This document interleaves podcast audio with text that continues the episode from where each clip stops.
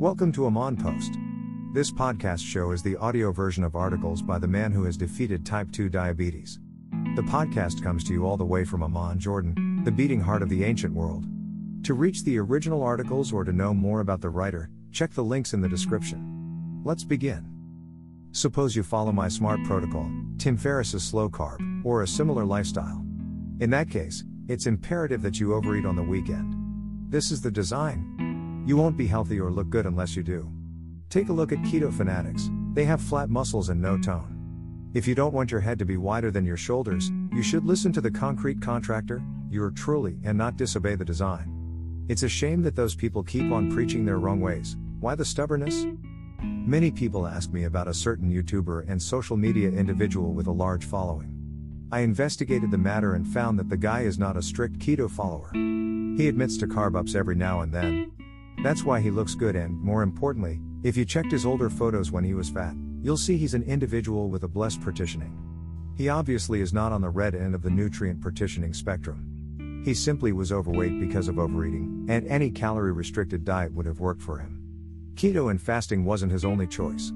The sad truth even fasting and keto works better for people on the purple side of the spectrum. But don't be discouraged as it still works and works fine for you and will keep on working.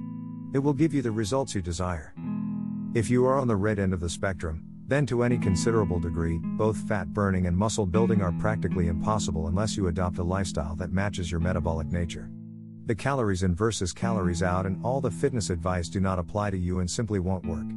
If you try to bulk, you will gain lots of fat, and you will lose muscle, and if you try to cut, you'll lose more muscle than fat.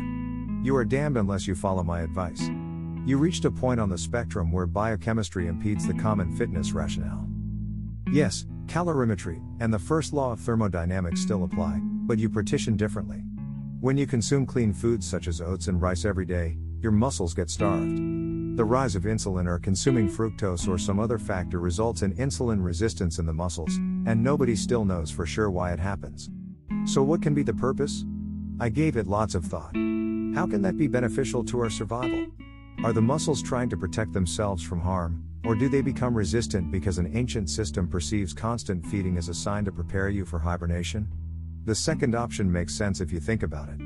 Your body will need to store fat for you to survive the extended hibernation and wouldn't need the muscles because you'll be sleeping. If you use your stretch your deductive logic a bit, you can also find an explanation for type 2 diabetes. You eat as if you're going into hibernation, but you don't hibernate, and you keep on eating. Your body just can't keep up, and the fat cells themselves become resistant.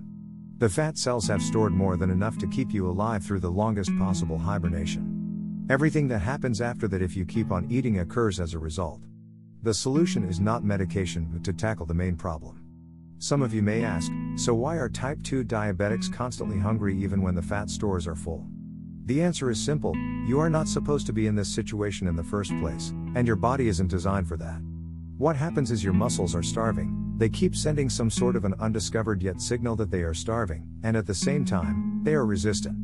They won't take enough nutrients from what you consume. I believe several small molecule chemical messengers haven't been discovered yet. Short peptides composed of a few number of amino acids or amino acids linked to a cation.